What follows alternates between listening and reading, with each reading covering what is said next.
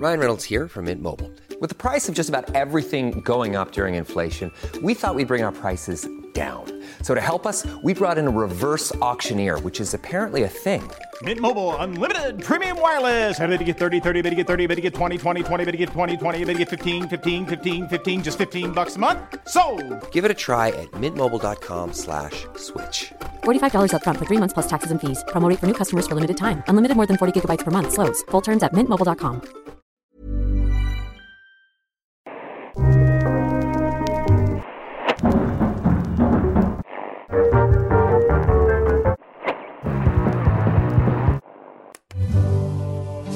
Georgia,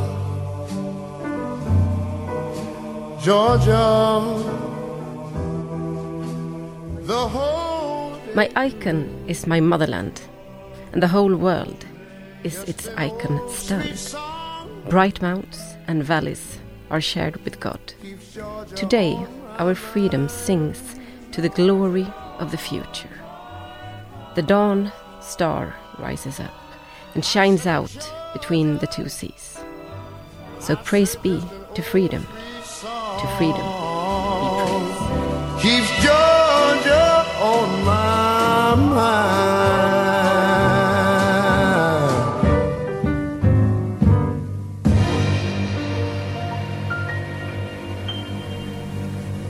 Hjärtligt välkomna till Sport, radio, pratprogrammet Fotboll Radikal, Simon Bank. Tack så jättemycket. Det är ett nöje att vara här och det är ett nöje att vara här med dig Johanna. Ja, Tillsammans. vi sitter i samma båt för en gångs skull. Mm. Vad var det vi fick höra tror du? Eh, alltså spontant, om du frågar efter en gissning, så låter det som något som någon SJ-tågvärd kan ha sagt till Mattias Karlsson, SDs chefsideolog. Alltså, ja, ja och nej. Mm. Eh, detta var de inledande raderna, eller kanske hela eh, raderna möjligtvis, av Tavisopleba, det vill säga Åh. Georgiens nationalsång. Mm. Eh, någonstans mellan SD, estetik och eh, naturromantik. Du gamla, du fria. Vi är inte så jävla kass på det heller när man tänker efter. Nej gud, nej men det är inte det hela grejen med, med nationalsången, att om man väl läser texterna så är det ju nästan alla är otäcka liksom. Mm. Eh, det är blod som ska drivas ut från ständer och det är, eh, ja, alla är läskiga. Krigen hit och dit. krigen, det är mycket, precis som du säger, medborgarnas blod, alltså det är ju, det är ju det är mycket fosterlandet, åh nej, åh fan. Men den här tyckte jag i genren hade en ganska fin eh, text ändå. Det var inte så mycket hetsa mot, Nej. mot fienden. Ehm, det, var, det var Gud och det var moder, moderlandet. Frihet och eh, lite naturromantik. Det kan man väl ändå köpa. För övrigt så är den tonsatt från, eller till, eh, en Jörgens mest kända opera. Åh, det Mm. plussar vi för. Mm. Eh, eller från två, two Georgian operas. Absalom Eteri och Daisy. Eh, från eh, tidigt 1900-tal, 1918-1923. Eh, kompositören Zakaria Paljashvili som är georgisk klassisk musiks eh, fader. Zacharias Topelius från Georgien. Just det. Mm.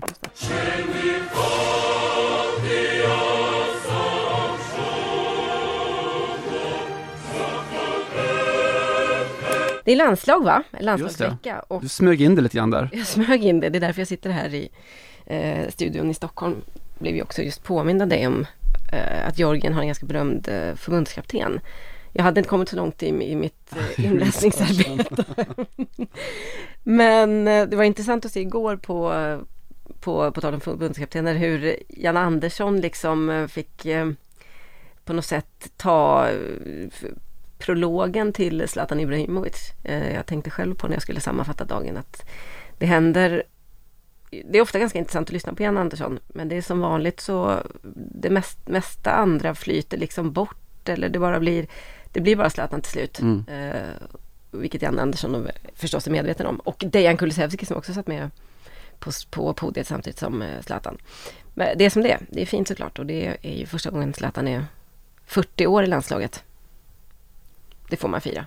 Det får man absolut fira. Nej, men det, jag håller med om att det, det är oerhört fascinerande. Det spelar egentligen ingen roll vilken som man skickar upp vid sidan av Zlatan. Om det nu är en eh, supertalang Juventus eller en, en, en lagkapten för Manchester United eller vad det än är så allting handlar ändå om Zlatan och det är inte en mediekonstruktion utan det är, det är som det är och det är så som, som fysionomin i ett rum också ser ut att det blir man förhåller sig till, till honom för att han är en sån imposant person, karaktär och karriär också för den delen. Mm.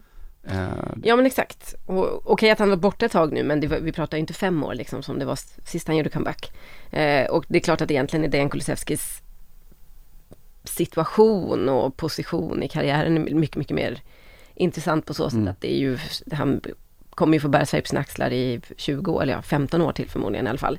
Eh, men ändå så fi- fick han liksom, och det var säkert rätt skönt för Dejan, han fick på något sätt eh, försvinna ut lite i bakgrunden och slippa prata så mycket om de aktuella problemen i Juventus, för de är ju tydligen ganska så många, så det var väl, eh, var väl bra för alla inblandade helt enkelt. Jag kan tänka mig det. Nej, alltså jag undrar lite om det där med, med just Zlatans ja, men, karriär på andra sidan 40 och så, om det kommer få en, en effekt och en inverkan på, på kommande spelare också, att man, eh, alltså från Cristiano Ronaldo neråt, att ja, nej okej, vi hade en acceptans för att i den moderna fotbollen så är karriärerna slut när man är 35-36, Mm. men är det kanske man inte behöver vara längre. Nej. Jag vet inte om det, om det kommer bli så. Alltså fotbollen har inte samma incitament som, eh, ja men säg simsporten som jag följde under väldigt många år, där man det var ekonomiska saker som gjorde att ja, man var van vid att karriären var slut när man var 23-24 och skulle skaffa sig ett riktigt jobb och så. Mm. Och sen så kunde man tjäna pengar på simning och då fortsatte karriären till man var 35 också kanske. Mm. Eh, fotbollen har ju andra, ja det är inte så att du behöver spela fotboll när du är 40 men man kan bevisligen göra det också. Alltså det beror ju på lite vad man är i för situation. Det finns väl säkert en annan allsvensk spelare, för det finns ju några stycken där också som spelar upp i åldrarna. Som kanske känner att hoppar jag av nu så, alltså cashen måste in någonstans. Så det kan säkert färga av sig på lite olika lager, men det är klart att Zlatan inte hade behövt egentligen eh, hålla på så här länge. Eh, men visst är det lite intressant också att den generationen som är liksom de senaste 10 årens eller 15 årens största spelare, Zlatan i ett svenskt men också inte i ett internationellt perspektiv. Och Messi och Ronaldo då är, börjar bli gamla, eller är gamla redan. Mm. Och visar liksom inga tendenser på att, eh, vad ska man säga, att tackla av. Alltså Messi har inte haft någon bra höst såklart i PSG, men det är ju, det, det är ändå, alltså ambitionen att skriva på en, liksom en ny klubb i den åldern och så, Ronaldo lika samma sak och, och Zlatan då när han kom tillbaka till Milan visar ju liksom på att de, eh, som du säger, det, det är som ett nytt glastak på något sätt som är spräckt. Man, man behöver inte tänka att ja, vid 33 så måste jag börja fundera på, ska jag bli expertkommentator i Viasat? Har du känt lite samma sak att din tanke var att det här med att skriva fotbollskrönikor efter 40 kändes jobbigt men så så blev såg du att Simon enklare. kunde och så, ja. Ja, eh, ja precis. Det var exakt. Det var, jag, jag, jag kände ju att du kanske nådde din peak efter 40. Ja, ja men jag hoppas ju att den kommer. Någon gång efter 40. Att man kan sätta ihop någonting. Men det är väl en, en, en rörelse framåt hela tiden, inte så? Jo, absolut. Du sa att, att eh, eh, ja, men om man sorterar in Zlatan bland de största och, och, och sådär. Eh, jag har funderat lite på just den kommande generationen, hur de stora karaktärerna, profilerna därifrån kommer. För att jag hävdar, min tes jag driver är att Zlatan är en av världens största spelare i kraft av dels den spelaren är sportsligt men också då hans karaktär och hans profil och hans eh, hela hans ikoniska sätt att vara på. Som, Mm. Om man lägger ihop liksom hans persona och hans eh, fotbollsprofil så, så är han absolut en av de största i, i modern tid. Då. Mm. Eh, hur den nästa generationen kommer sig för att det idag liksom i den nya globala byn med, med internet och allt det där, med internet och allt det där, ursäkta gubbspråket, Mm. men, men eh, allt handlar om content. Mm. Och än så länge så, så ser man inte de här starka karaktärerna, alltså Zlatan Cantona-karaktärerna så mycket, utan det du ser mest är de här politiskt engagerade som Mm. tar över, tar över världen och syns, eh, alltså Rashford-typerna. Mm, just det. Eh, Skithögarna är lite på väg bort, är det det jag försöker säga? jag vet inte, jag det kanske är svårare att vara, att slå igenom, att eh, Mm. krossa, för det är också, det är redan gjort liksom och det finns på alla andra plan. Eh, det är inte så att det råder en, en skriande brist på eh, Psykopater. psykopater eller skithögar. De finns på internet, har jag hört. De finns på TikTok eller vad som. Mm. Eh, jag vet inte, det är bara en, en fråga att ta med sig in i den, den ljusnande framtid. Ja, jag tror att det ligger, det är nog, eh, det ligger nog absolut någonting i det. Dels så Tidigare så tror jag det gick, eh, när Zlatan började och när Cantona höll på, alla de andra liksom, och bråkstakarna, de här stora så var man ju ganska länge oemotsagd eftersom det inte fanns en reaktion på Twitter eller Instagram nästa dag eller direkt efteråt då att de behövde gå ut och be om ursäkt och sådär. Kanske de gjorde ändå ibland om man karatesparkade en supporter. Men kanske, man kanske inte ens gjorde det. För att trycket som fanns på en och, och liksom eh, foga sig eller liksom komma, ja, styras in mot eh, någon form av mainstream-beteende. Det kom ju bara från tidningar i så fall. Ehm, och det kunde man skita i, Ja. tror jag.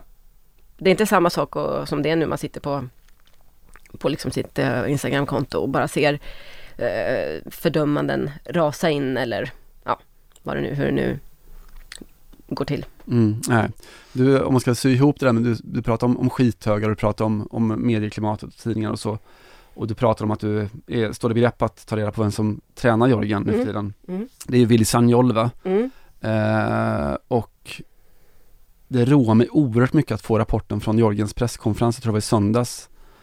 Eller ja, i alla fall nu i, i senaste veckan. Eh, där Sagnol brister ut mot den samlade georgiska mediekåren och undrar Alltså när ni ställer frågor om vilka spelare jag tar ut så frågar ni alltid om de offensiva spelarna. Mm. Eh, vad fan, kan ni inte någon enda gång fråga om, eh, eller hur kommer det sig att ni aldrig frågar om, om försvararna Mm. och backarna?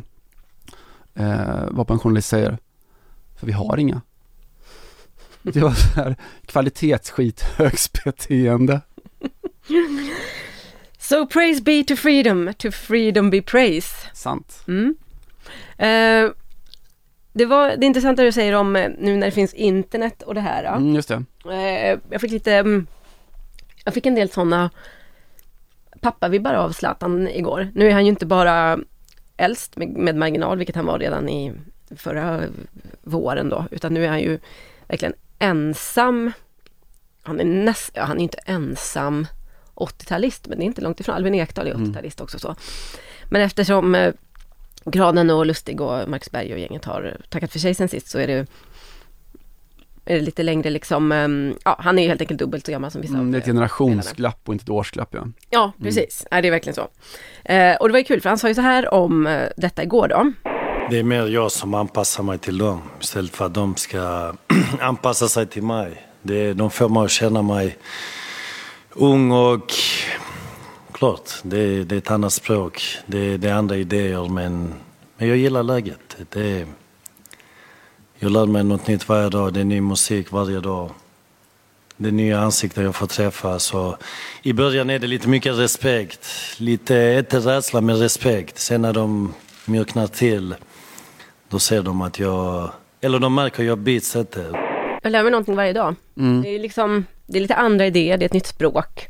Eh, det här, är- det, det Zlatan beskriver här är ungefär det jag känner när jag hör Dejan Kulusevski och Alexander Isak och Robin Quaison prata. Nämligen att eh, ja, det är lite andra idéer, det är ett språk, en sociolekt som man kanske inte liksom är helt bekant med. Eh, och det blir intressant när Zlatan som själv i, i 20 års tid har varit den som tog in allt det här nya och de nya idéerna och så här. Alltså det, det och jag undrar vad, han, vad som är de nya idéerna, för man, man, det man ofta kanske skyller den här nya generationen för är att de är lite egocentriska och det är, ja, inte vet jag, jaget för laget och man har um, mycket med vilken bakgrund de kommer ifrån då. Det har varit eh, en hel del snack om eh, kopplingarna mellan vissa i landslaget och vissa sådana här gangsterrappare och även dragits eh, andra typer av eh, paralleller till gängkriminalitet och så vidare. Eh, och Zlatan kommer in i, som en liksom medelålders svensk gubbe i detta och, och hänger inte riktigt med. Det är en ganska fin bild, är det inte Det är en jättefin bild, det är, det är det man hade velat se såklart för att den, den bilden som man har vant sig vid och, och sett är ju just med Zlatan som, som solen som allting kretsar kring liksom och så, Mm. så är det ju fortfarande, så är det dömt att alltid vara egentligen men Men eh, om man får önska sig en, ett litet filmklipp in från landslaget så är det just där Där det avslöjas och syns att Zlatan är den som är liksom lite lätt daterad och som Mm. Som eh, lyfter ett halvt ögonbryn Mm. på något sorts Carlo Ancelotti sätt och, Mm. och, och säger jaha okej, ja, ja, jag är inte riktigt med Och kanske också säger Nej men inte ska de hålla på och sjunga om vapen. det är ingen väg ut. Nej, Nej det hade man tyckt om. Sen lät, ja, sen lät det så här och lite senare på presskonferensen. Vi får se hur det går under de två matcherna. Jag kommer med min erfarenhet. Jag vet det är mycket som står på spel. Jag har varit i de här situationerna innan. Jag vet vad man går igenom, både mentalt, fysiskt och allt som står på spel. Men alla spelarna är redo, alla är professionella. Det är inte så att de behöver någon barnvakt som ska gå runt och liksom förklara till dem något. Utan det enda de ska göra det är förbereda sig och se fram emot de här matcherna. Det här är lite vad man kan förvänta sig såklart av eh, Zlatan. Han säger att de behöver ingen barnvakt och jag är liksom inte där för att eh, vara den personen. Men lite grann är han ju det. Han vet ju också att läget han kommer in i kvalet, det är liksom det absolut sista som händer och alla förväntar sig ungefär att han ska leda det här laget till, till eh, seger och eh, VM på något sätt. Um, men han pratar ju också om, alltså varje gång han säger jag är inte här för att vara en barnvakt så berättar han ju samtidigt någonstans att han förstår att det är, vissa har de förväntningarna ja. på honom. Vilket är lite gulligt såklart. Uh, återigen dubbelt så gammal som de flesta. Um, det var i SVTs intervju med honom efter presskonferensen som uh, detta kom. När du slog igenom för 20 år sedan, då fanns ju inte sociala medier på samma mm. sätt och sådär. Hur, hur stor press är det på de här unga spelarna? Jag menar det digitala plattformar, det är både positivt och negativt. Jag, på, på det sättet jag ser det på är... Man ska inte ta det... Ta det på, hur ta det på allvar, börja leva ett liv in i en digital plattform. Då, det kan bli jobbigt då. För i, vad säger man, i den digitala plattformen är allt perfekt. Men det du inte fattar, det är så mycket filter i den under, i den plattformen, vad man säger. Att när du kommer ut i den riktiga världen, när människor ser dig eller där du ser saker, de filtrarna försvinner.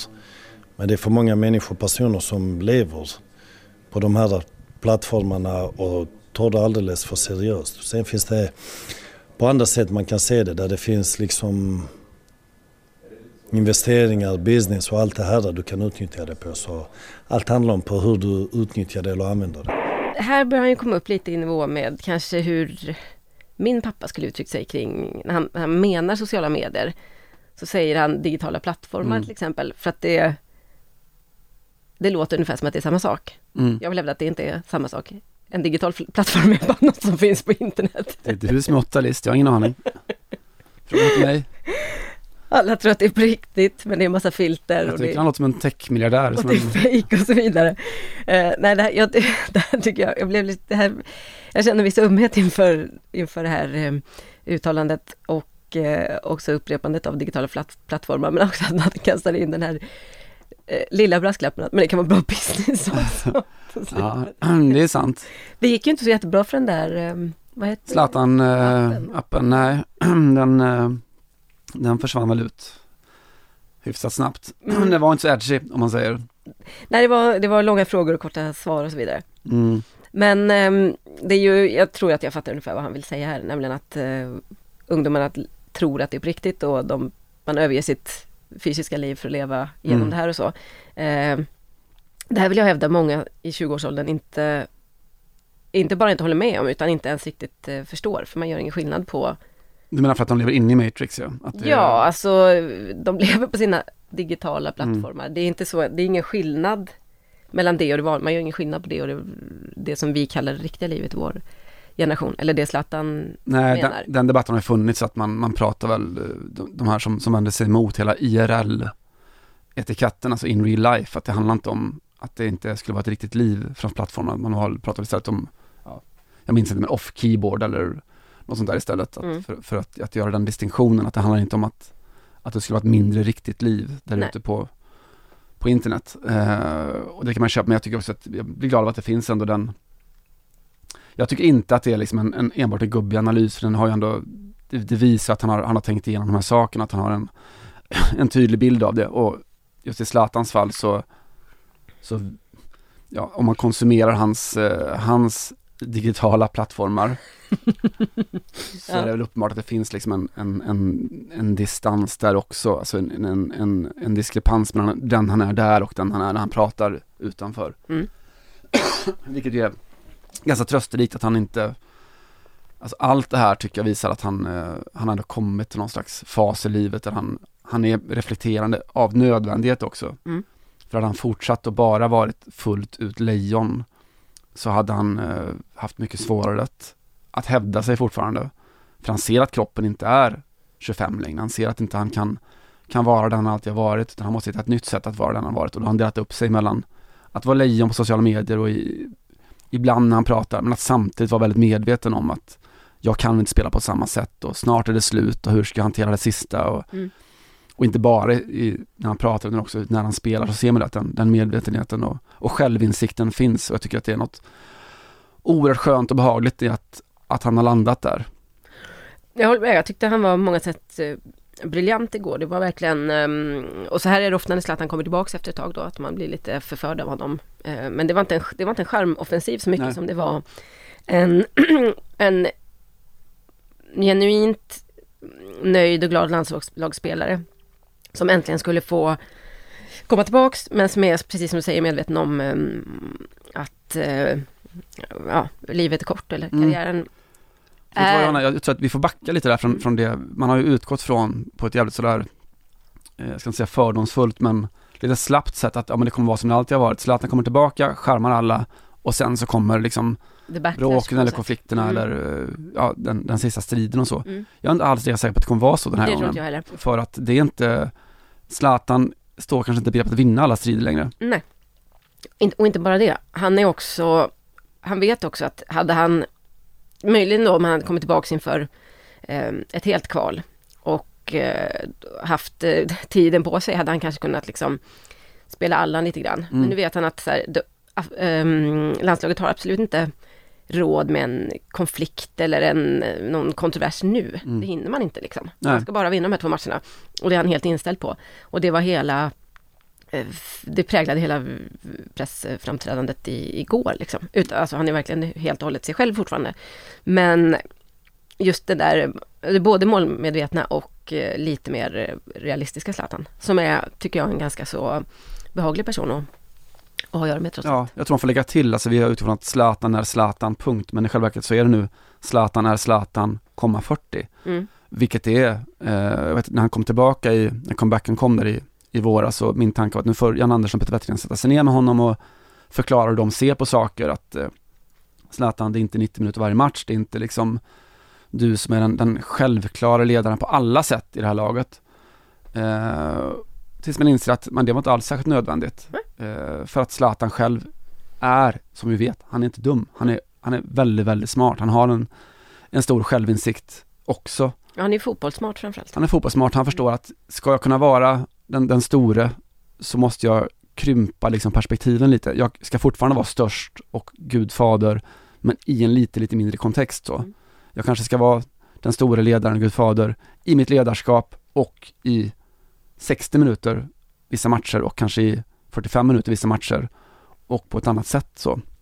Eh, Så, ja, jag känner någon slags inre behov att, att be honom om ursäkt för att man nästan förolämpat hans, hans självinsikt och intellekt. Nåja, nåja. det var ändå, man kan säga att den senaste comebacken, eller den i, i mars då i, i år, föregicks ju ändå av ett eh, högskaligt krig mot Jan Andersson som ingen riktigt förstod var det kom ifrån. Så det är inte så länge sedan han ändå agerat både ganska omoget och Ja, op- alltså, oprovocerat eh, kontroversiellt. Eller vad absolut, men det var innan, innan han hade landat. Det, var, Mm. det var min bestämda känsla Ja, att han visst. kände att det fanns eh, unfinished business och, Mm. och så. Mm. Eh, det här har ju hänt, vi pratar om liksom ett halvårsperspektiv i princip, när han har Mm. landat i, i ett memento mori, eh. Just det. Zlatan så. Mm.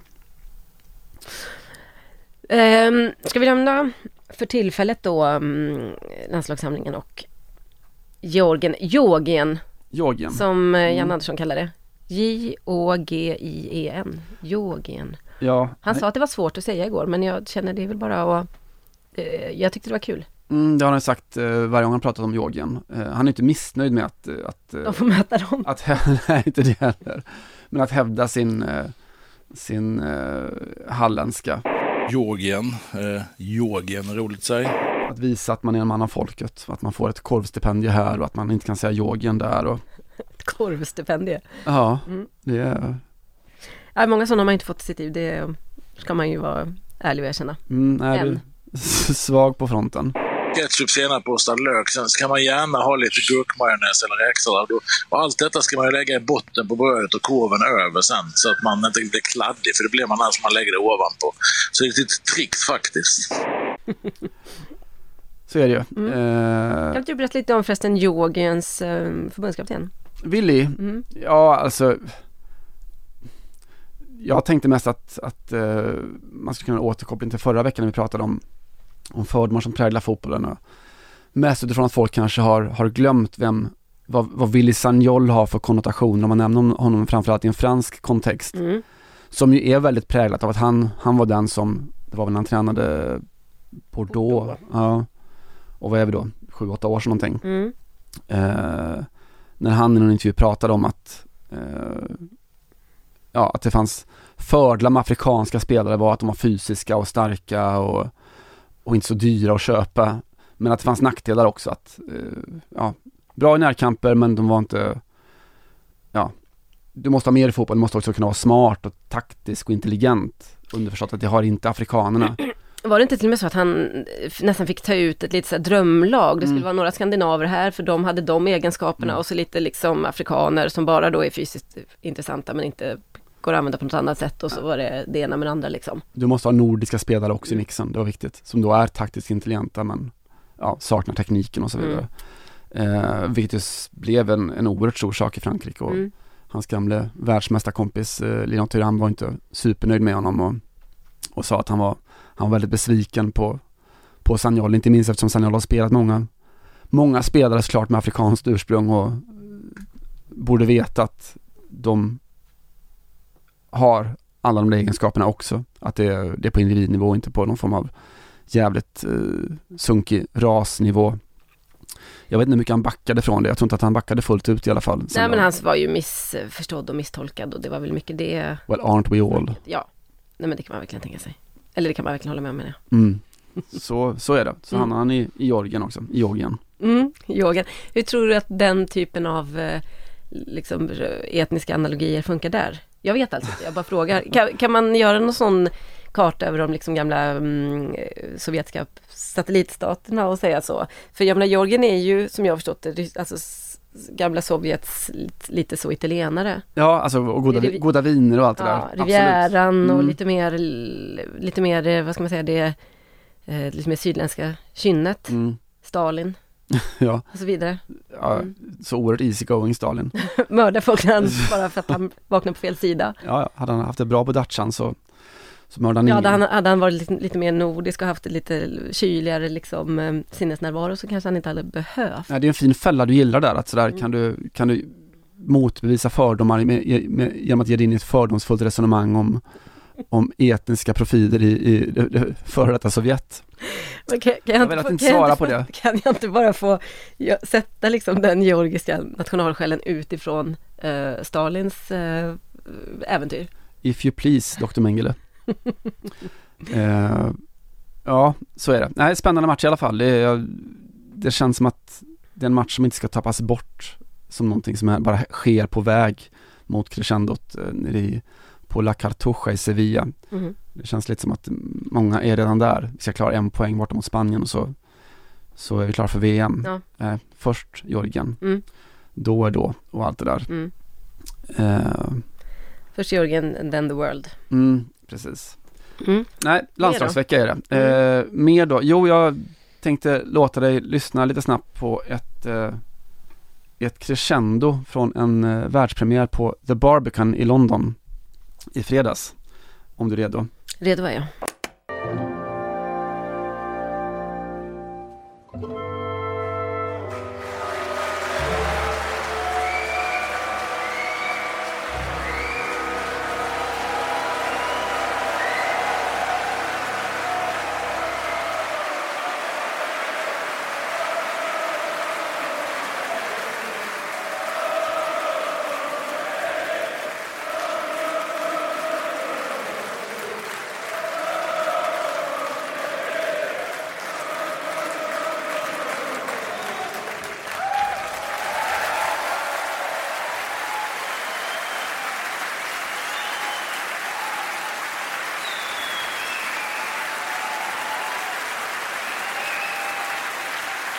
I can't see anything. The entire audience has stood, and you heard their response throughout their piece. Extraordinary. Wonderful.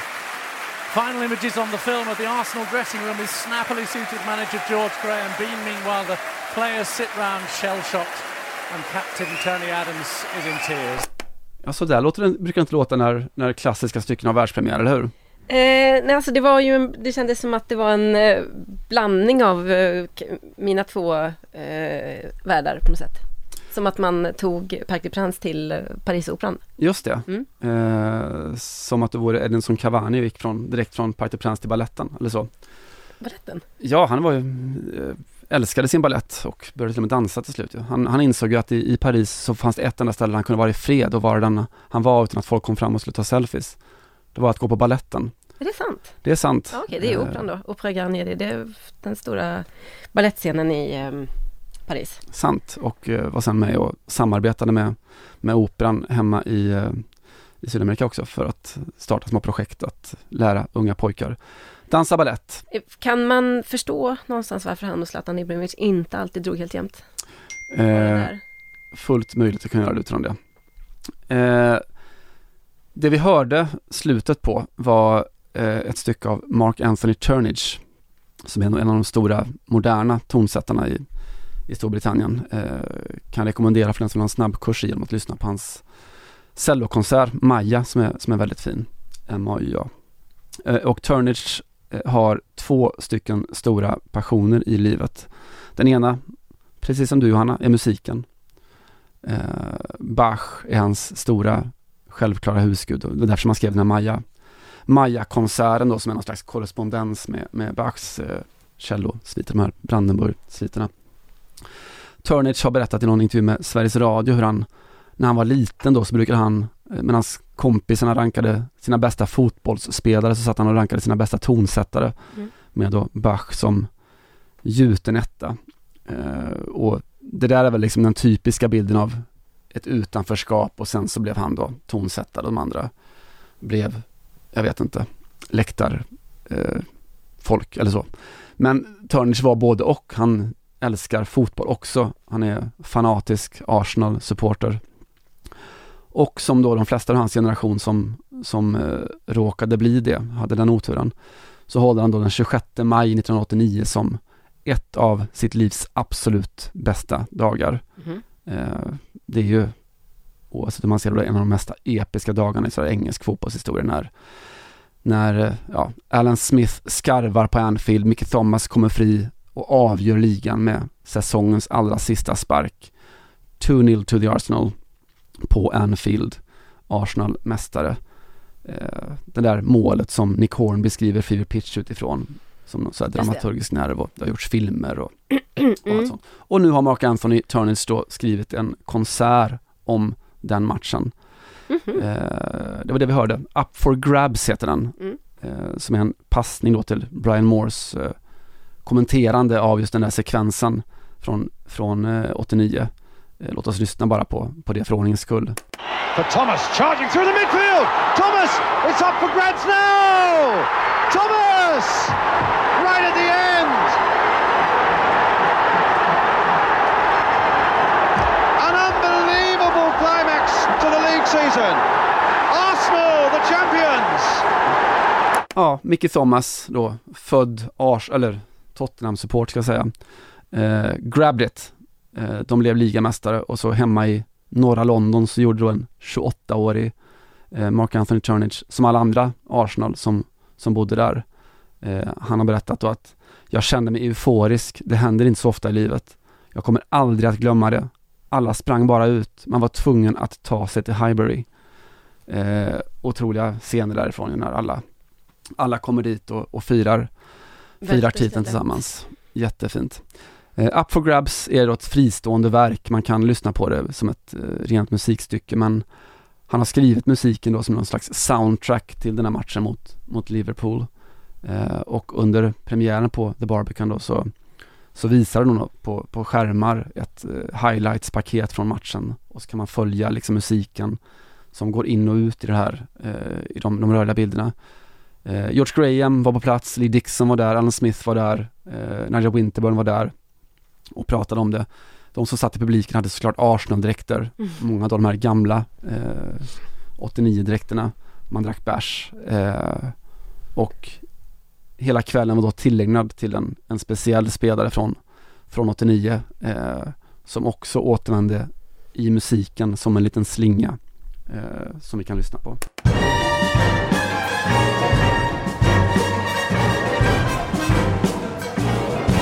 Ja, det där tror jag alla Arsenal kände igen. Det var ju Oh Rocky Rocky, Rocky Rocky Rocky Rocky Rockosel. En hyllning till David Rocosel som ju inte finns med oss längre då som dog i cancer alldeles för tidigt. En liten hyllning till honom.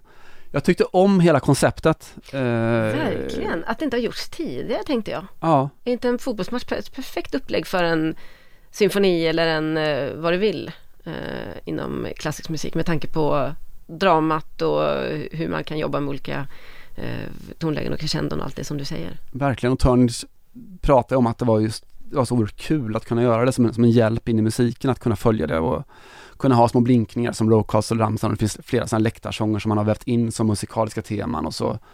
Det här, det är klart att den matchen är, är så oerhört välkomnande att kunna göra musik av eftersom det är ett självskrivet slutsekundscrescendo Mm. eh, som en italiensk buffaopera eller vad som helst. Eh, men jag tyckte bara det var fint och det var roligt och det var kul och hela publikupplevelsen blev väl lite som de här konserterna som Turns själv älskade som allra mest när han var liten. Han gick med mamma och såg The Last Night of the Proms. Mm. Eh, lite karnevaliskt sådär. Synd att det var Arsenal, kul att det blev bra. Eh, finns att lyssna på i ett par veckor till i alla fall på, på BBCs eh, hemsida. Jag rekommenderar alla att göra det. BBCs digitala plattform kan ni gå in på. Finns på BBCs digitala plattform. Men tänk nu på att det inte är det riktiga livet. Det är Arsenal. Det är precis, det är filter. Det är filter. Men det är inte fake news då, det är faktiskt ett riktigt eh, resultat eller? Jag utesluter inte någonting där. Hey everyone, I've been on the go recently Phoenix, Kansas City, Chicago. If you're like me and have a home but aren't always at home, you have an Airbnb. Hosting your home or a spare room is a very practical side hustle. If you live in a big game town, you can Airbnb your place for fans to stay in. Your home might be worth more than you think. Find out how much at airbnb.com/slash host.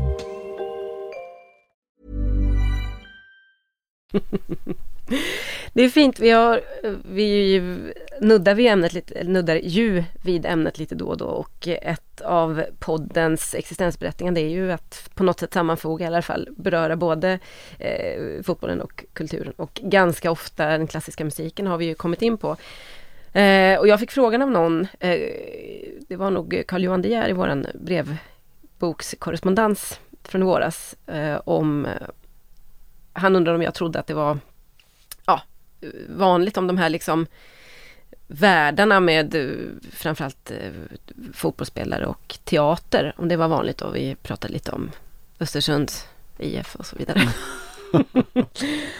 och jag hävdade att det var att det är två väldigt skilda världar av det enkla skälet att eh, det ena, i alla fall när det kommer till operan, är liksom ett klassiskt borgerligt nöje och det andra är från början ett eh, arbetarklassnöje Mm, och mm. att det sitter i mer än någonting annat. Men med tanke på vilken resa som toppfotbollen har gjort de senaste 50 åren, 20 åren i alla fall, eh, ekonomiskt och vilken klassresa fotbollen faktiskt har gjort, eh, som, även om den på många håll har varit liksom nyrik och vulgär och allt det där, så är det inte förvånande att de här eh, världarna öppnas mot varandra till slut, eh, kan jag känna. Det är, det är ju till slut också ungefär samma människor som har råd att gå på fotboll som har råd att gå på operan om man ska vara lite krass. Eh, och det är inte alls längre ett nöje som är förbehållet bara arbetarklassen utan det snarare är en, så, blivit en sorts medelklassunderhållning. Eh. Absolut, alltså Shostakovich eh, pratar väl om, som ju också var fotbolls, han var ju Zenit-supporter, eh, fotbollsfanatisk, som hävdade att, ja, sådär, slängigt och väldigt utslitet begreppen att, eh, att fotbollen var arbetarklassens ballett. Mm. Och Han var lite slängig. Eh, han var ju en slängig jävel. Det får man, det tyckte Stalin också, för övrigt. Stalin, när han, var inte, när han vaknade på fel sida var det inte Sjostakovitj eh, som skulle vara i närheten. Han var inte topp ett då, långt ifrån. Eh, men absolut, alltså det där, jag nämnde Nick Hornby förut som ju var en eh, den stora musan, alltså när fotbollen förborgerligades, vilket den Mm. gjorde med England som nav tidigt det. 90-tal, så var det ju att Nick Hornby också skrev sin Fever Pitch, denna Mm. fantastiska bok som ju öppnade världen för Alltså det fanns en, en ekonomisk drivkraft under som var det från den intellektuella överbyggnaden som kom från Nick Hornby och, och alla sådana som kopplade ihop eh, fotbollen och gjorde den till ett, återigen då, till ett, eh, eller öppnade upp den för, för medelklassen och överklassen också. Mm. Så att jag tror att det här kommer vi få se mycket mer av. Mm, det är min känsla också. Vi har fått se mycket, vi kommer få se ännu mycket mer av, av det. Fotbollen som, som reklam, fotbollen som konst, som jag pratade om förut, fotbollen som musik, fotbollen som, som allting. Det är ju intressant också om man gör en liten jämförelse, om man hoppar tillbaka 20 år i tiden när Manchester City fortfarande var ett så kallat skitlag Mm. och, eller vi- 25 år i tiden kanske, när Oasis slog igenom. Mm. Eh, arbetarklasshjältar med alla de här attributen eh, och eh, hur man älskade att vara tvåa i någonstans. Man hatade det man älskade att vara tvåa i. Mm. United och var liksom, det var en, en hade en extrem eh, social eller ett klassmärke helt enkelt. Och eh, så hände allt det som hände med fotbollen efter det och Manchester City för all del. Och så landar vi nu eh, i, och vi kan bara kliva rakt ner i det svenska landslaget just nu där vi har eh, flera spelare då som har eh, umgås med eller har eh, nära social kontakt i alla fall med eh, killar som finns på den svenska rapscenen som i sin tur, även om de själva inte är gangsterrappare, några är väl det också, så är de, eh, står de i alla fall i kontakt med den världen och eh, en kriminalitet och så vidare. Och det är ju det är ju intressant att se hur det ändå på något sätt kan fungera som en, jag ska inte säga en motståndshandling, för det är såklart inte genomtänkt från deras håll, men att det ändå finns en ny eh, önskan eller en ny koppling till den kulturen som är den absolut mest gettoiserade. Eh, många pratar ju om gangsterrap som den nya arbetarlitteraturen. Jag vänder mig lite mot det, men man kan konstatera att rent eh, eh klassmässigt och rent eh, sociologiskt så är det ju lite samma, så upprepar det sig faktiskt eh, som vi har sett i, i den, framförallt den brittiska fotbollen för 40 år sedan, nämligen att det var en, en eh, det var i förorterna och det var i eh, kanske industrierna då eller i, på puben mellan liksom arbetarklassmän som den här kärleken mellan fotbollen och rockmusiken uppstod. Mm. Eh, det är lite råare nu och det är på ett annat sätt men schemat är ju detsamma. Ja, det, det är jätteintressant. Alltså, du nämnde liksom hela Gallagher, Oasis-grejen och så som ju var på den tiden för oss som var med liksom kring hela, hela Cool Britannia och Britpopen och allt det där. Så var den uppenbara känslan att men, Oasis var fotboll och Blur var konst. Just det. Eh, idag är jag inte säker på att det hade varit så. Idag skulle Blur lika gärna kunna fotboll och, och Oasis, jag vet inte, något, något allmänt pajaseri. Verkligen. Och med liksom de här, äh, ja den här, äh, en, en som ser annorlunda ut idag, men nu är då i utanförskapsområden eller förorterna och så vidare. Den är ju mer etnifierad idag kan Den man är ju säga. etnifierad och det är Mm. också också att, att den, den traditionella historien om, om arbetarklasshjälten som, som lyckas och tar sig upp i fotbollens, eh, på fotbollens olymp, så var det ju ett, eh, bland det finaste du kunde göra var att inte kapa dina rötter. Mm. Så ingen ska, alltså det, det finns ju en total rimlighet i att om du heter Robin Quaison eller Dan Kulusevski, att du fortfarande har, har rötterna, att de finns där de finns. Mm. Det är något som man hade- sett upp till för liksom, eh, ganska nyligen, det finns ingen anledning att, att se någonting annat i idag heller. Det är Mm. klart som fan att de har kompisar som hamnar på fel sida om, om, om vissa liksom samhälleliga riktmärken också. Det vore jättekonstigt annars. Mm. Eh, för att de kommer från, från områden där, därifrån de kommer. De Mm. har det umgänge de har. Eh, och jag ser liksom inte i grunden några, några liksom stora problem i det. Det är inte det som är problemet. Problemet är att, att människor hamnar där de hamnar. Jag klev av ett plan på Arlanda i somras efter, jag tror att det var faktiskt efter dam-EM, det var några, eller någon vecka efter. Jag skulle hem på lite sommarsemester och eh, när jag stod vid bagagebandet och väntade så såg jag att Robin Quaison var på samma flight och med två kompisar, två bröder tror jag han hade Mm. kallat dem. Eh, och det var precis när han hade skrivit på för eh, sin klubb i Saudiarabien. Eh, fack. så de var precis, de var väl på väg hem därifrån. Och det var lite intressant att se hur eh, hans två, och jag lät honom vara, jag hade, jag var inte Hur lät han dig vara? Ja, det kan man säga. Eh, Jag tror inte ens han såg att jag var där. Eh, Oavsett det så var det uppenbart att hans två kompisar hade ett, alltså ett väldigt, de, de, stod och väntade på sitt bagage och stod och pratade med varandra på ett sätt som vi skulle uppfatta som väldigt eh, förortifierat helt enkelt. Eh, med hela den här vokabulären och sociolekten och allt det du kan tänka dig. Jag ska inte ens ge mig på att förnedra dem genom att försöka upp Eller dig själv. hur det låter, eller mig själv precis.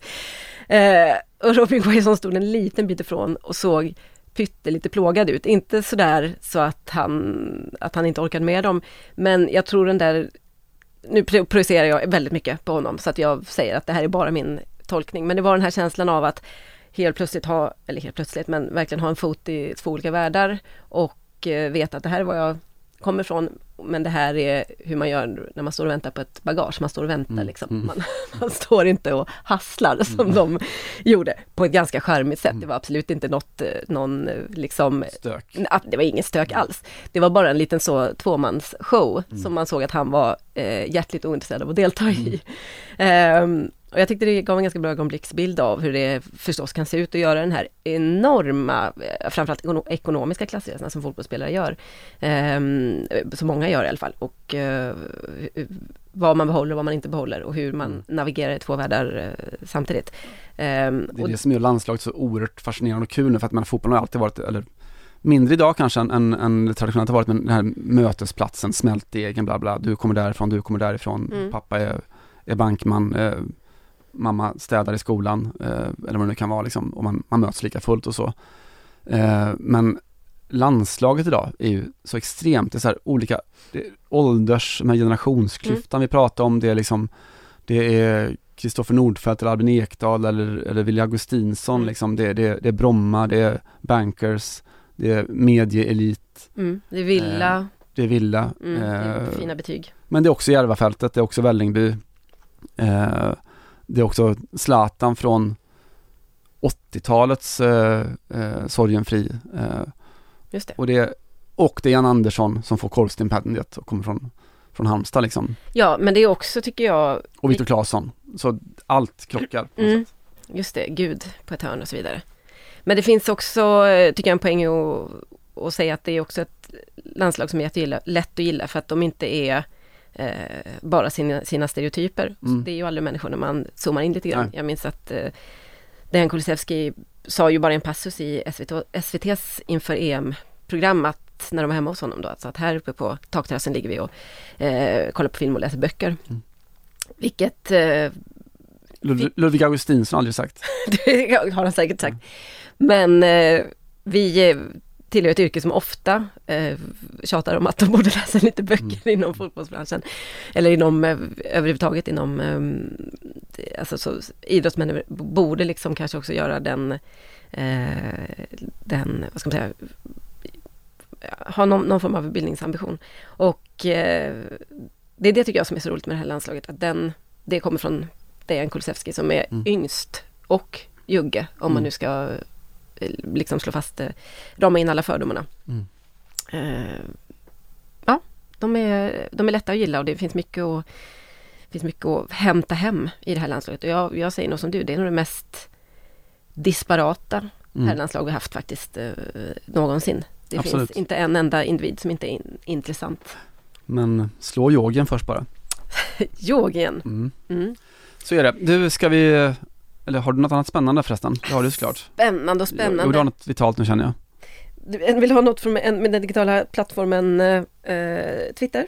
Det är det enda jag vill. Mm. Eh, det har gjorts en dok, det är inte en dokumentär utan det är en, eh, vad kallar man det när det är en sån här biopic va? Mm. Ehm, om Maradona som nu går på Netflix eller Amazon Prime tror jag, lite beroende på, ja det är mindre viktigt. Det finns på en digital plattform. Finns på en digital plattform nära de flesta av oss. Ehm, och eh, det, det är då en, eh, helt enkelt en fiktion över Maradona men den ska ju vara så, så troligt återgiven, eller så troligt, så Troget. troget Mm. mycket återgivet som möjligt. Eh, och vid ett tillfälle så möter Napoli på den tiden, för det här är såklart Napoli-åren som återges, så möter Napoli eh, Lazio i eh, Neapel och eh, Maradona håller någon form av ett så kallat peptalk Mm. före avspark och det låter så här. Oggi questi fascisti Ci vogliono umiliare, ci vogliono vedere in ginocchio a casa nostra. Non glielo permetteremo. Lotteremo su ogni pallone. Daremo tutto per il compagno al nostro fianco e per questa gente che ha lasciato tutto, ha lasciato la sua casa per vederci qui oggi. Io voglio vedervi cacciare il fumo dalle orecchie. Dobbiamo vincere, cazzo! Andiamo! Forza ragazzi, andiamo! Dai! De här fascisterna vill förödmjuka oss. De vill slå oss på vår hemmaplan. Det kan vi inte låta ske. Och så vidare. Eh, allt detta är ord då som eh, skaparna av den här Amazon Prime-serien lagt i munnen på Maradona. Man, det finns inte något, eh, vad jag kan se i alla fall, som tyder på att, det, att han ska ha sagt exakt så här. Jag tror att de fick ett feeling och kände att så här borde ett eh, peptalk av Maradona när man ska möta eh, Lazio låta ungefär. Eh, från Rom då har, man, har det här tagits eh, emot med inte så uppskattande, inte så, ah, förlåt.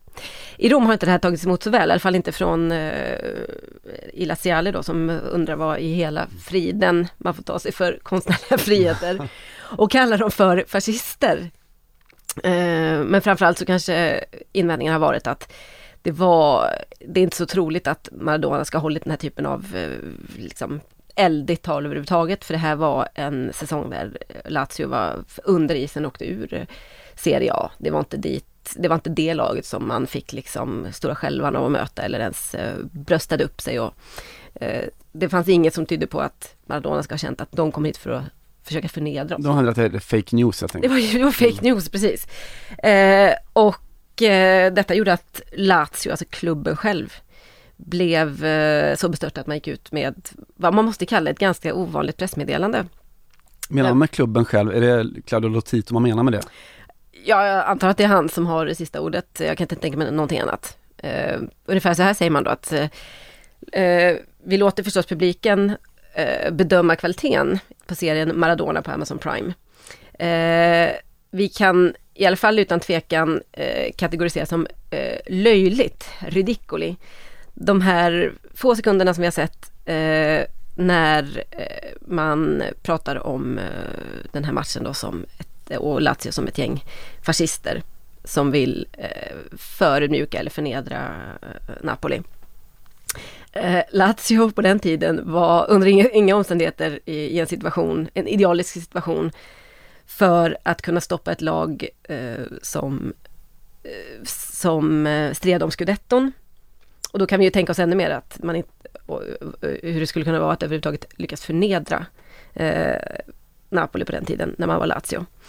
Eh, och sen så pratar man vidare om att, och för övrigt då ut, utöver det eh, så vill vi ändå påminna om att fascismen som är eh, hemsk på alla sätt eh, har använts här på ett sätt för att eh, eh, diffamera, hjälp mig Simon, vad säger man? Ja, att du, alltså inte nedvärdera men att du eh, Förtala. Förtala, precis. precis. Eh, klubben. Eh, vi skulle vilja be Amazon Prime och eh, författarna eller skaparna bakom den här serien, eh, det vill säga regissören och eh, alla runt omkring honom, att ta bort den här scenen ur serien. För den är en, visar en brist på respekt för Lazio. Och eh, dessutom dålig respekt för minnet av en stor mästare som är Maradona. Eh, undertecknat Bulletin Caroline. Där har du. Tänk på barnen för fan. Tänk på barnen. Inte. Ge barnen chansen.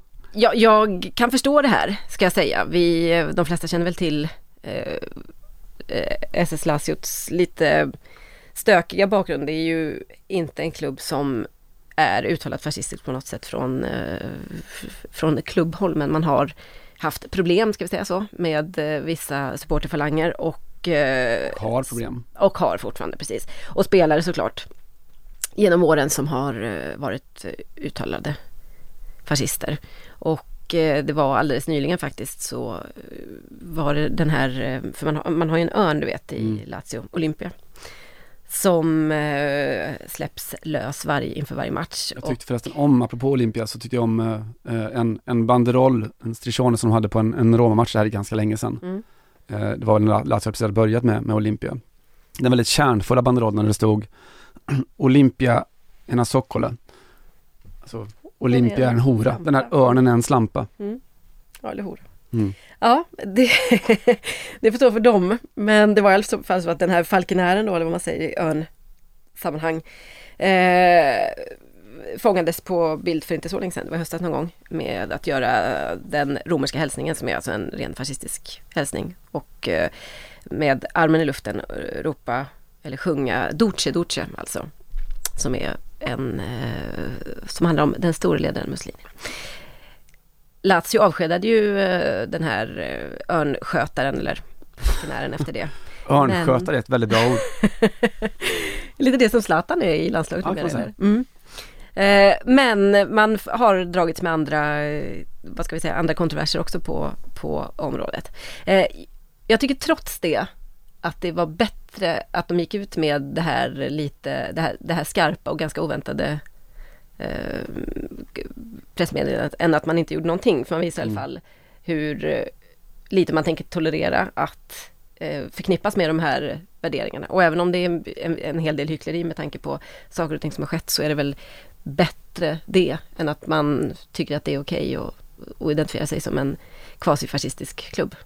Ja, alltså gud, jag, jag menar jag, jag har Eller är det lite Ebba Busch Thor att stå i studion och säga Kallar du mig för rasist? Mm.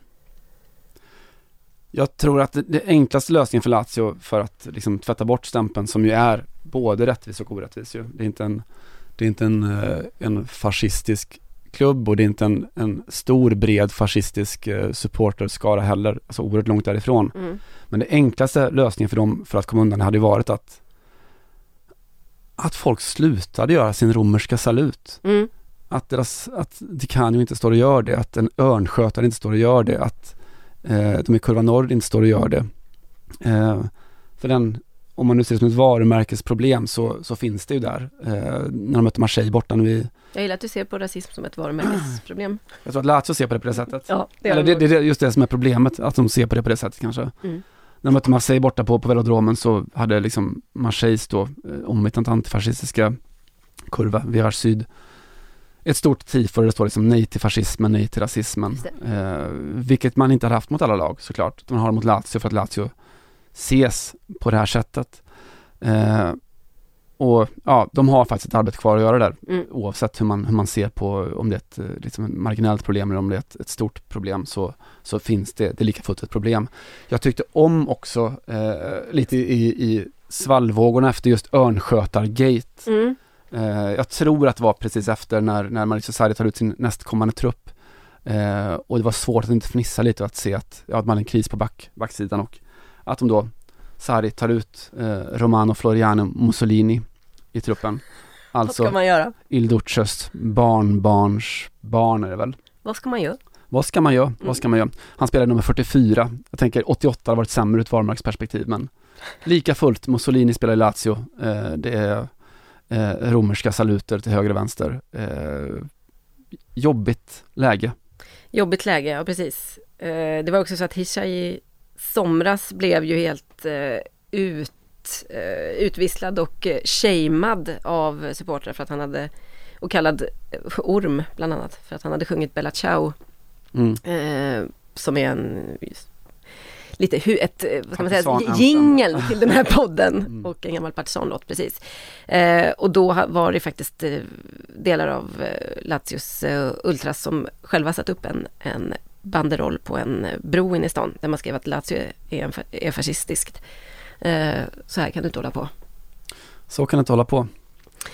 Men håller på gör vi och eh, om vi ska stänga dörren till Rom och konstatera för övrigt att den här eh, serien verkar eh, otroligt eh, lågkvalitativ och dålig. Jag såg bara den här lilla scenen från peptalket och kände att det här vill jag absolut inte se. Det kändes som en skymf på många sätt mot Maradona. Kanske inte för att han tog avstånd mot, eh, eller från eh, fascismen, för det gjorde Mm. han ju ganska ofta. Men för att det var en, en ganska liksom tråkig eh, och väldigt endimensionell eh, återgivning av Mm. fotbollen förmodligen ändå inte såg ut på den tiden och hur det var att spela i Napoli. Så vi kan jag väl är inte återigen... svinsugen på de här, några av de här biopicsen kring, Nej. kring eh, fotboll och sport. Nej, jag håller med dig. Jag håller med. Det är mycket som ska till och i Maradonas fall så finns det så mycket fina dokumentärer som vi kan eh, tipsa om en gång för alla. Inte minst den som heter Den heter väl Diego Maradona. Mm. Eh, det här såg ut att vara en ganska ett dåligt alternativ till den riktiga storyn helt enkelt. Fake news. Mm. Fake news. Fake news. Får jag ta oss söderöver då? Ja men jag tänkte det. Kan du inte ta oss till Mm. Pommi? På Milano tänkte jag ta oss till. Eh, Vi flyttar söderut i Italien. Eh, Jag tänkte berätta en berättelse om Raffaele Pipola. Eh, oljemagnat i de lägre divisionerna.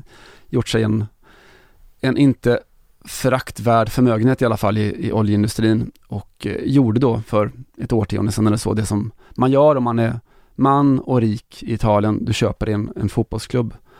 Eh, han köpte då just då Pomigliano, lilla Pomigliano, eh, Serie D-klubb eh, som verkar i Vesuvius och Neapels skugga, en bit norr om Vesuvius.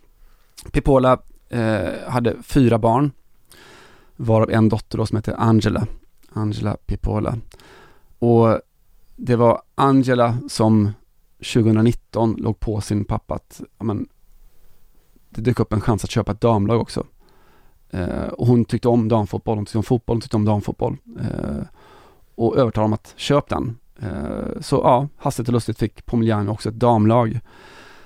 Eh, som började spela då 2019 eh, medan Angela jobbade vidare med som hennes stora passion i livet med, med mode. Hon startade eget haute couture-märke som hette halvostigt då Positivity Couture.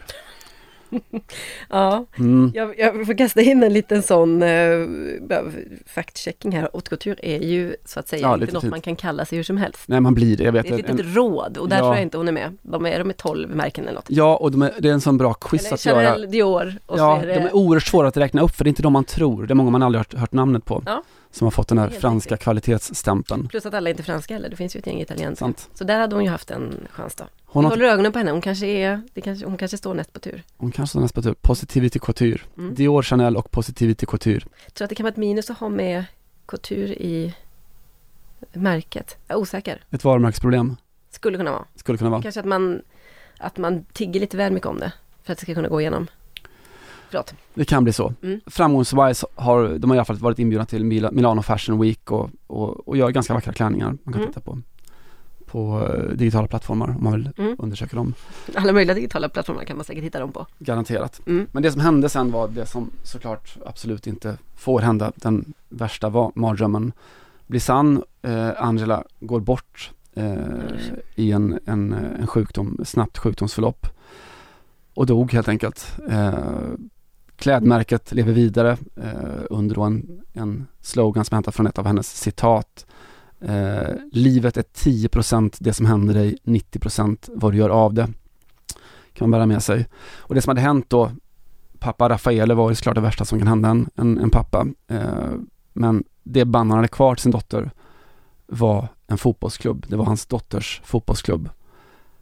Pomigliano började spela då i Serie C 2019 eh, och då, det var ju pandemisäsongen, så när den blåstes av så ledde de serien och blev uppflyttade till, till eh, Serie B. Eh, Raffaele och klubben och tillägnade hela den här framgången till, till en dotter som inte, som inte längre fanns i livet. Eh, de skrev, eh, eller han skrev att eh, hela projektet med Pomigliano Feminile är dedikerat i, till min dotter Angelas minne. Eh, det var hon som startade det här projektet med sin entusiasm. Eh, allting som har gjorts här och allting som kommer att göras här för det här laget och den här klubben är för att hedra hennes minne.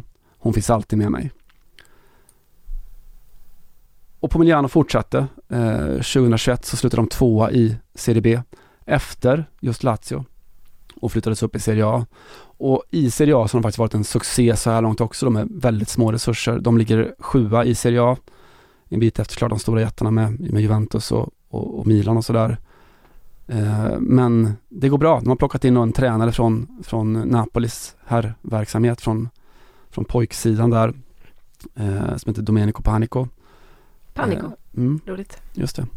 Eh, spelar, har fått mycket beröm då för sin positiva fotboll. Det är liksom bollen efter marken och väldigt så offensiv fotbollssyn.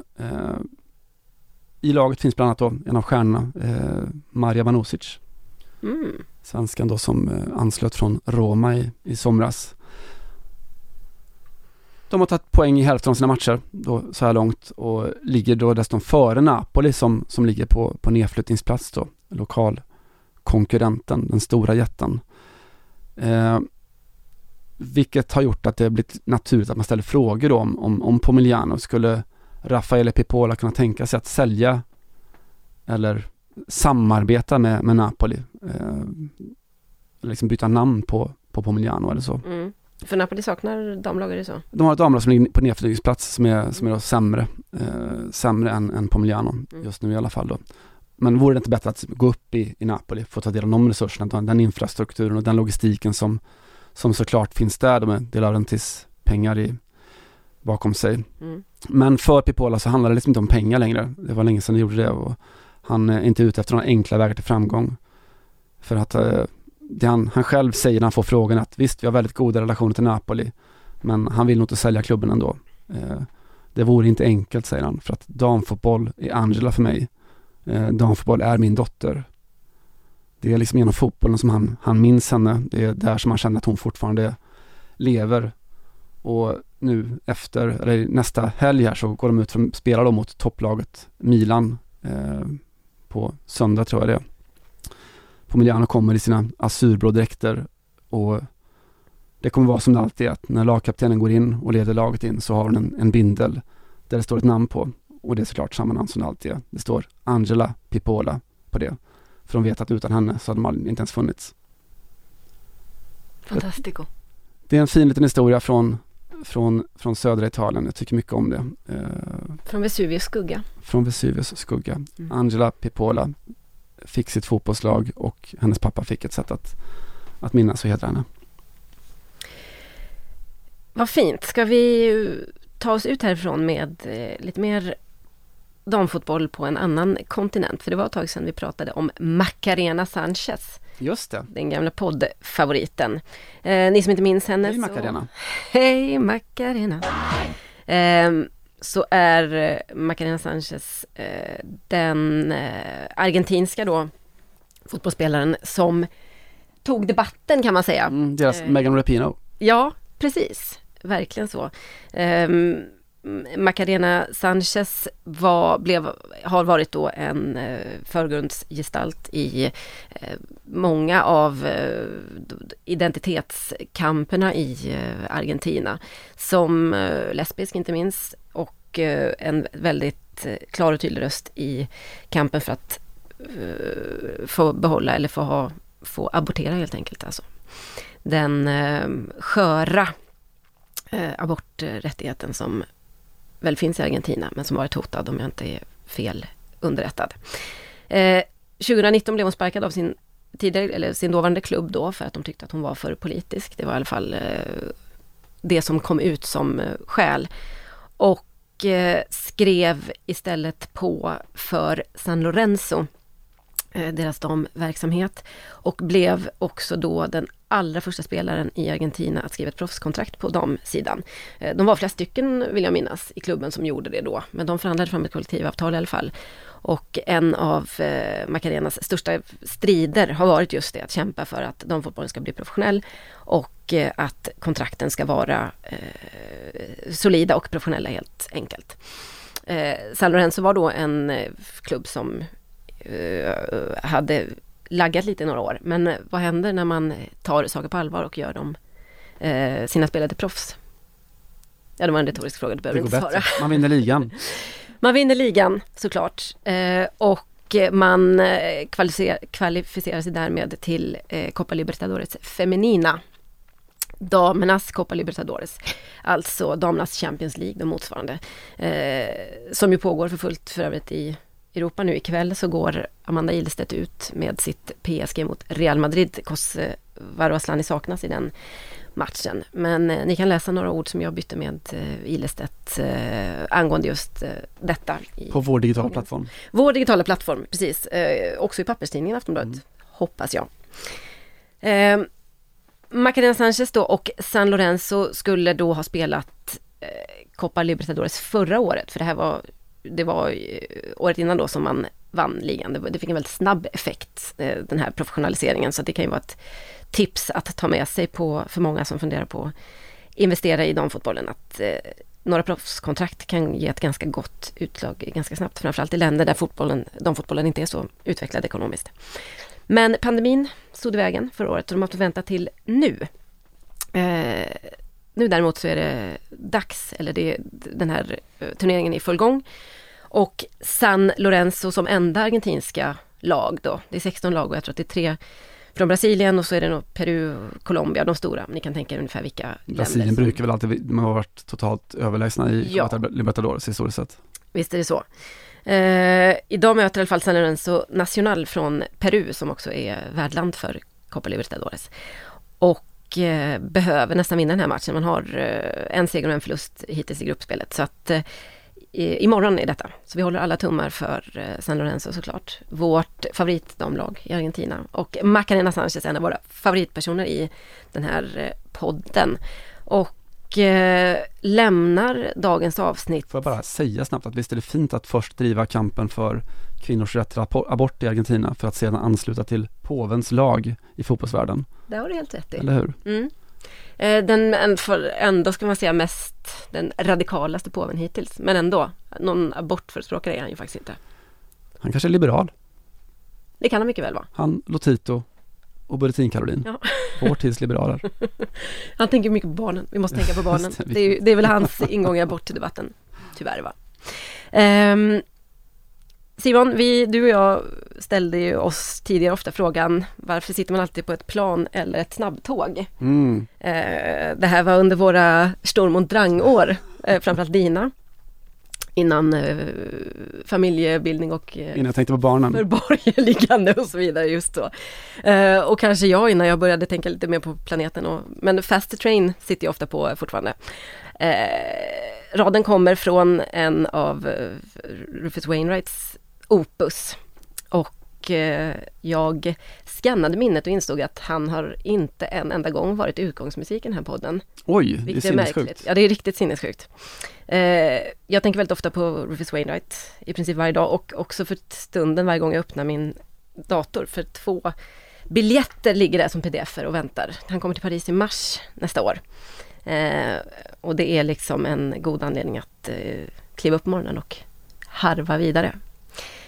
Nu har Rufus då äntligen gjort oss den stora tjänsten att eh, skriva en låt som eh, passar perfekt in i podden och eh, som passar utmärkt in i dagens avsnitt. Och jag brukar ju vara ganska uppdaterad på Rufus-fronten, men någon som är ännu lite mer uppdaterad än mig är vår vän Leo. Då tänker du, vi är San Lorenzo, vi är Argentina, det är Leo Messi jag pratar om. Nej, det är det inte. Det är Leo Ringqvist, en av Fotboll Radikals eh, största supportrar och eh, främsta lyssnare får vi säga. Som skickade den här låten som tips häromdagen. Så vi skickar den tillbaks. Vi passar bollen tillbaka och eh, säger tack och hej. Jag heter Jonna Brundén, du heter Simon Bank. Julia Karlsson är det som klipper podden och det här är Rufus Wainwright med senaste släppet Argentina.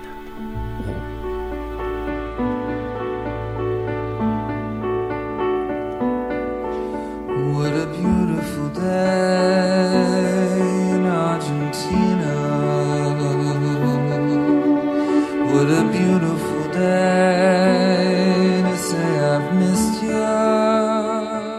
du har lyssnat på en podcast från Aftonbladet. Ansvarig utgivare är Lena K Samuelsson. Argentina will have to do